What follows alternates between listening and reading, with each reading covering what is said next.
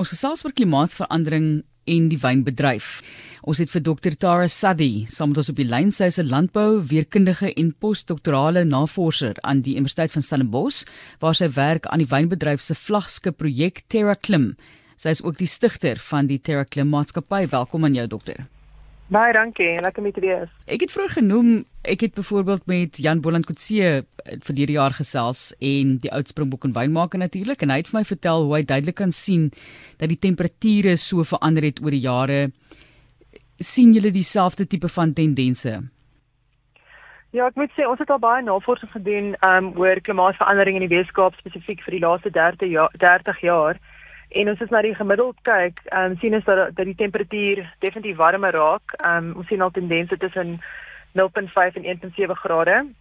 So die toenaming wat ons sien is eintlik meer gedrewe in in gedruk deur die maksimum profiel van temperature. So dit raak warmer tussen 1 en 2 grade en nie so baie minimum temperature nie, maar dit raak warmer, maar dit is ook al reën, ons reënval wat baie sporadies is en dit verander um, van streek tot streek in die wynbedryf, maar daar's definitief 'n neiging tussen droër jare, um, maar ook elke nou en dan 'n nat jaar, maar meer as die hoeveelheid reënval is eintlik um ons sien die verandering tussen die hoeveelheid reën daar en dit het 'n baie sterk um, invloed op ons siekte en plantbeheer. Maar ook meer is dit uh, met klimaatsverandering is die maande wat nou verander. Ons kyk na um, die maand van Junie, dit verander baie. Ons kry nie meer so baie reën in daai maand nie. En dan die lente maande, die temperature, die maksimum minimum temperature verander baie. In Januarie, um, raak ook baie warmer. So ons sien groot veranderinge in die wynbedryf, maar baie om mee te werk. Ons net weet hoe dit verander. Ek gaan met jou gesels dan ook oor ander gewasse, maar jare gelede het ek nog 'n dokumentêr gedoen oor aardverwarming. Ek verwys baie keer daarna want dit was so interessant die inhoud wat mense vir my daardeur gegee het, maar die groot uitdaging en dis nou juist ook wat ons later oor gaan gesels, is 'n dokumentêr is dat jy wil op 'n manier ook soos hierdie fantastiese National Geographic programme wil jy oor jare se verandering kan vasvat en tentoonstel, maar daar's baie werk wat gedoen word oor baie jare om daardie data vas te vang. Ja, definitief. Ehm um, soos ons kyk na klimaatsverandering, ehm um, dit dis 'n wêreld ehm um, wyd pro um, probleem. Suid-Afrika is een van die lande wat uitgesit is is ehm um, daar's 'n groot risk factor op op ons verwarmer verwarming. Maar as ons kyk na die Weskaap spesifiek weer, ehm um, wat tot die die voorspellings van 'n navorsingskant af sê dat 2050 gaan sekere areas ehm um, definitief warmer raak, maar die ehm um, toeneming is baie minder as binnelande areas. So die ehm um, kuslyne lyk like, ehm um, is dit 1.5 grade en verder inland lyk like, ek 2.2 tot 3 grade. So die ehm um, die die impak van klimaatsverandering is heeltemal anders van streek tot streek in die Weskaap. Ek dink jy kan net in oorsig sê alles gaan net warmer raak hier. Ehm um, van dit vir die, die Weskaap se uniek maak. So elke streek ehm um, in hierdie gemiddelde tendense van die Weskaap reageer anders. Daar's sekere areas wat um, warmer en maksimum temperature raak, ander um koeler en dan die reënval wat verander. Um so sekere areas kry meer ryp as wat hulle in die verlede gehad het, ander areas kry meer hittegolwe. So om te verstaan um hoe 'n plant reageer um in al hierdie um klimaatsverandering, doom and glooms wat daar buite is, is dit weet ons moet begin verstaan hoe reageer 'n stok of 'n plant um op 'n eerlikse vlak en om haar uriese profile te begin verstaan en te kyk hoeveel ure is 'n dag in haar warme profiel en, en dan som dit op vir 'n maand en som dit op vir 'n seisoen. Dan gaan jy groot verskille begin sien. Hoe waar waar ehm um, gebeur die klimaatsverandering op grondvlak van wat jy op ehm um, op 'n plaas moet beheer en na kyk Ek gebruik altyd die kokerboom as 'n voorbeeld as ek vir mense probeer verduidelik hoekom klimaatsverandering 'n probleem is. Want as baie mense wat sê dis net siklusse, maar die siklus is te vinnig. Daar is nie tyd vir die mens en vir plant en dier om aan te pas nie en ek dink dis een van die groot krisisse. Die kokerboom Daar's 'n sekere deel in Afrika wat hulle besig is om uit te sterf want hulle het nie ja. genoeg tyd om te kan trek nie. Dis ek net nou maar so kan stel. So ja. dit is eintlik 'n groot uitdaging en ja, dan ook die die uitdaging vir die bedryf self om te om aan te pas. Ja, soos ons sien nou in 'n navorsing ehm um, waar ons het gekyk na die wingerdstok in 'n warm streek, so Vredendal se kant en dan in die Stellenbosch area en dan ook in die ehm um, koele area se gebou en so 'n stukke ehm um, soort van 'n klimaatband gebou en gekyk hoe reageer die stok. En deur al die analises was dit meer ure tussen 35 en 40 grade wat meer raak in verband met klimaatsverandering en die stok of 'n plant is calculator so dit tel al daai ure op en reageer in blomtyd of verskillende st um, stadiums. En wat ja. ons sien die hele wynbedryf is oor die heel, heel algemeen en as ons kyk na ander lande, die seisoen raak vroeër en vroeër. En daai vroeër en vroeër is eintlik ehm um, dit is gekoppel aan warmer ure en warmer profile in die somermaande. So dis van Desember tot Maart. Dis is meer ure in daai profiel sien nou maar 35 tot 40 kry veroorsaak dat ons se blomtyd vroeër en vroeër is elke jaar. Wat baie interessant is. So dit wys vir ons ons moet begin kyk na data op 'n uurlikse vlak. En 'n nog 'n voorbeeld is 2018 in die wynbedryf ehm um, was ons opbrengs 11% laer as die 10 jaar gemiddeld. En dit kon 'n uh, droogte oordrag gewees het, maar toe ons begin kyk het na die data en die hoe die oes gelyk het. Sekere streke in die Wes-Kaap het kleiner korrels gehad, ander streke het minder korrels gehad, maar oor die algemeen was die oes laer.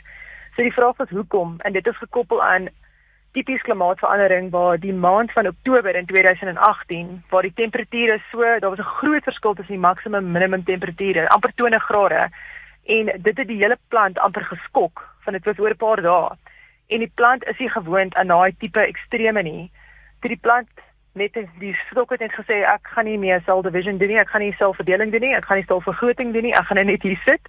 En dit het veroorsaak dat ons oes um heelwat laer was. So ons moet regtig begin kyk um hoe verander die omgewing op eerlikse vlak van dis waar ons as die bestuurder moet in dis jy moet dis waar jy moet begin beheer en veranderinge maak. En ons het dieselfde gesien as ons kyk na gewasse um appels. Hulle en dit vat pink lady, die blush van 'n pink lady is nie meer wat dit was in sekere areas nie en in ander areas is dit beter van die eerlikse profiel van hitte en kleur verander. So dit is baie interessant. Fascinerende wêreld wat jy het met hierdie navorsing ook so interessant en al die data wat jy bymekaar bring en sin daarvan maak. So as ons nou 'n bietjie kan prakties raak. Watter raad het jy vir die wynboer? Wat moet hulle doen? Want dit gaan mos nou nie net oor opbrengs nie, dit is ook oor gehalte. Ja, definitief. So vir my, ehm um, dit gaan nie net meer soos jy sê oor oesgehalte nie of opbrengs nie. Dit gaan baie meer nou oor winsgewendheid. So ek praat met verskillende ehm um, gewasse en ehm um, nie een seisoen is meer dieselfde nie. So is net in die wynbedryf, die laaste paar jare was net 'n paar jare van droog agter ons en 'n paar jare van nat. Die tyd van die reënval wat verander en dit sit 'n verskillende ehm um, druk van seisoen seisoen op jou siekte en plantbeheer en jou insette. So ehm um, dis waar winsgewendheid baie moeilik raak van nie een seisoen is dieselfde meer nie. So ons moet begin kyk na watse data is beskikbaar vir ons om ons te help in seisoen sodat ons meer winsgewend kan wees en verstaan hoe lyk die profiel teenoor ander jare en hoe moet ons reageer. Ons kan nie net 'n uh, 'n uh, seisoenplan uitsit en sê dis van ons gaan dit en dit en dit gaan doen nie. Ons moet nou reageer soos die klimaat verander. Ek het hier gou vinnig ook 'n boodskap gekry en die persoon sê hierso, hulle moet ook drywe se bestuivers soos die bye in ag neem vir meer of minder drywekorrel sê Priscilla. Ja, dis definitief um, baie waar en ons sien ook baie mense reageer met klimaatsverandering en om nette op te sit en die aan daai tipe goed. So en um, daar's baie opsies vir hoe kan ons reageer teenoor klimaatsverandering, maar ons kyk baie keer net na temperatuur en ons kyk hoe reageer die bye nie en ander peste en goeters nie. So as met die hele prentjie altyd in ag neem as ons kyk na hoe reageer ons met uh, aan klimaat, maar definitief die baie is baie spesiale dingetjie met ons baie meer met. Ja, ja. met dit meer gebruik en na dit kyk. En wat eintlik ook maar krisis ervaar wêreldwyd. Presies. Ja, definitief. Kom ons gesels gou oor die klimaatdata wat jy insamel. Dr. Sadi, waar kom dit alles vandaan? Okay, so dit ehm um, begin deur die wynbedryf ehm um, Winetech het 'n uh, groot projek Terraclim befonds wat 'n uh, vlagskip projek is. Ehm um, en dit is eintlik gekoppel dat daar's nie 'n prosent 'n produsent vandag wat nie sal saamstem met klimaatsverandering en klimaat.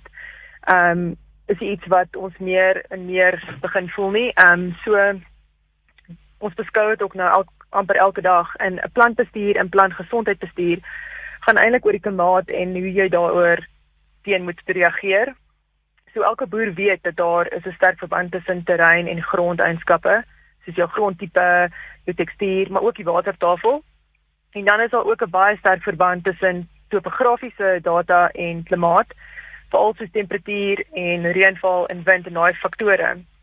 So ons navorsing ehm um, fokus om 'n stelsel te bou wat Terracum is om vir die wynbedryf iets te gee wat hulle kan gebruik in ag ehm um, van klimaatsverandering. So Terraclim integreer baie akkurate topografiese data met weerstasie data wat ons by ehm um, Hortec iLeaf kry en dan ook by Metas en met daai twee ehm um, companies probeer ons 'n uh, digter weerstasie netwerk opstel sodat ons meer beter data ehm um, vir die toekoms kan hê.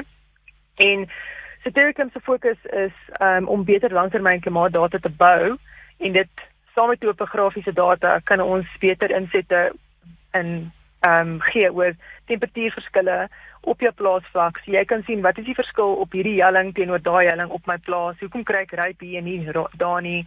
En hoe verander dit ehm um, as 'n prentjie in plaas van net 'n datapunt op jou plaas waar jy jou weerstasie kan gebruik. So dis waar ons klimaatdata gebruik om die praatwerk op plaasvlak te doen. So jou reaksies kan anders te wees van een plek tot 'n ander plek op jou plaas. Net kortliks asseblief, hoe pas TerraKlim hierby in? So TerraKlim is nou ehm um, ons het 'n verskaffing, 'n verskaffer van inligting. So jy ehm um, op die webwerf kry jy insette oor klimaat en terrein en topography en jy kan inlog en tot plaas en vlak, plaasvlak doen. Ek kan jy sien presies wat op jou blok aangaan.